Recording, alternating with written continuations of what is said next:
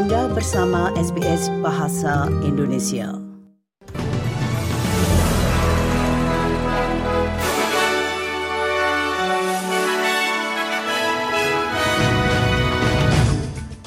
Warta berita SBS Audio untuk hari Senin tanggal 24 Juli.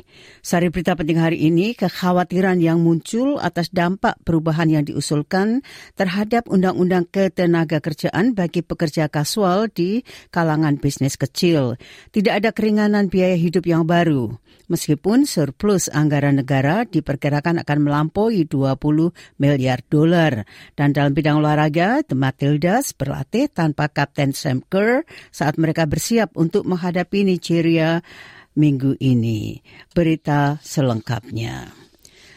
Kepala Kamar Dagang dan Industri Australia atau ACCI mengatakan usulan perubahan undang-undang ketenagakerjaan bagi tenaga kasual oleh pemerintah akan berdampak negatif bagi usaha kecil. Proposal baru berusaha untuk memastikan pekerja lepas yang bekerja dengan jam reguler akan memiliki opsi untuk beralih ke permanen jika mereka menginginkannya. Reformasi akan memaksa memberi kerja untuk menawarkan sekitar 850 ribu pekerja lepas di Australia pekerjaan tetap. Our concern is that uh, what the government is proposing would take us backwards. Uh, it would unpick uh, that existing level of uh, certainty. Um, that can't be a good thing for employment. It can't be a good thing for small business. Bendahara James Chalmers mengatakan tidak akan ada paket bantuan biaya hidup baru meskipun diperkirakan surplus anggaran negara sekarang akan lebih dari 20 miliar dolar. Dr. Chalmers mengumumkan surplus 4 miliar untuk 2022-2023 selama anggaran bulan Mei yang pertama untuk Australia biaya hidup dalam 15 tahun. Sekarang diantisipasi biaya hidup akan naik jauh di atas itu dalam beberapa minggu mendatang, meningkatkan tekanan pada pemerintah untuk berbuat lebih banyak guna membantu mereka yang berjuang dengan tekanan biaya hidup. Bendara Jim Chalmers telah mengumumkan Chris Barrett untuk menjadi ketua baru Komisi Produktivitas. Chris Barrett akan mengambil alih dari kursi yang dikosongkan oleh Michael Brennan dari bulan September dan akan memegang peran selama lima tahun. Dr. Thomas mengatakan Chris Barrett akan mengawasi reformasi institusi mencapai tujuan ekonomi partai buruh sambil mempertahankan independennya. Nah, sebuah laporan baru menunjukkan lebih banyak rumah tangga yang berada dalam tekanan perumahan yang parah daripada waktu lainnya dalam sejarah Australia, sementara kebutuhan akan perumahan sosial mencapai rekor tertinggi. Laporan oleh kampanye perumahan nasional Everyone's Home menggunakan data dari survei terhadap 750 warga Australia untuk memperkirakan bahwa dua per tiga warga Australia saat ini mengalami tekanan perumahan. Kampanye menemukan peningkatan tekanan perumahan yang yang didefinisikan sebagai menghabiskan lebih dari 30 persen pendapatan untuk perumahan, mendorong warga Australia ke batas keuangan mereka. Nah sedikitnya 15 orang tewas dan 19 lainnya hilang setelah sebuah feri tenggelam di Pulau Sulawesi di Indonesia. Badan Pencarian dan Penyelamatan Negara mengatakan 40 penumpang berada di kapal ketika tenggelam sekitar tengah malam pada waktu setempat, yaitu jam 2 pagi.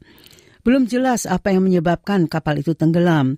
Enam orang dirawat di rumah sakit setempat. Di lain negara, 10 orang tewas sementara satu orang lagi terjebak di atas atap gimnasium sekolah yang runtuh di timur laut Cina.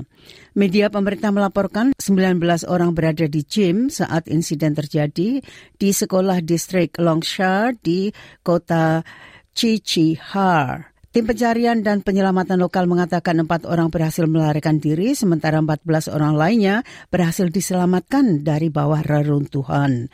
Kantor berita China Xinhua melaporkan mereka yang bertanggung jawab atas eh, perusahaan konstruksi telah ditahan. Dari berita olahraga, Matildas telah berlatih lagi tanpa Kapten Sam Kerr keraguan terus muncul apakah dia akan tampil di turnamen Piala Dunia ini.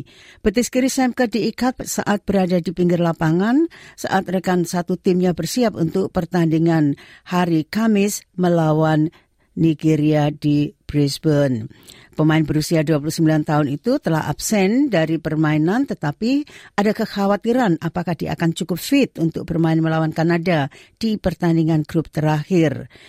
Dan gelandang Kara Guni Cross mengatakan sementara tim berharap dia akan kembali, mereka bersiap untuk melakukan apa yang mereka bisa tanpa Sam Kerr. It's unfortunate that Sam tore a calf um, before the game, but I think where we're just focusing on like as a team, we're just focusing on Nigeria. Um, Sam's doing her own thing to get back as quick as possible, and that's also important.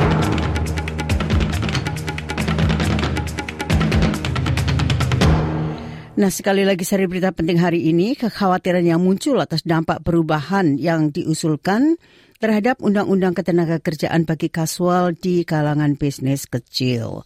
Tidak ada keringanan biaya hidup yang baru, meskipun surplus anggaran negara diperkirakan akan melampaui 20 miliar dolar. Dan dalam bidang olahraga, The Matildas berlatih tanpa Kapten Sam Kerr saat mereka bersiap untuk menghadapi Nigeria minggu ini. Sekian warta berita SBS Audio untuk hari Senin tanggal 24 Juli.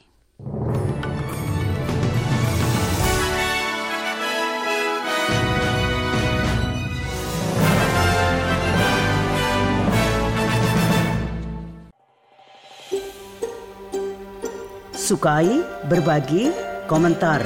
Ikuti SBS program Bahasa Indonesia di Facebook.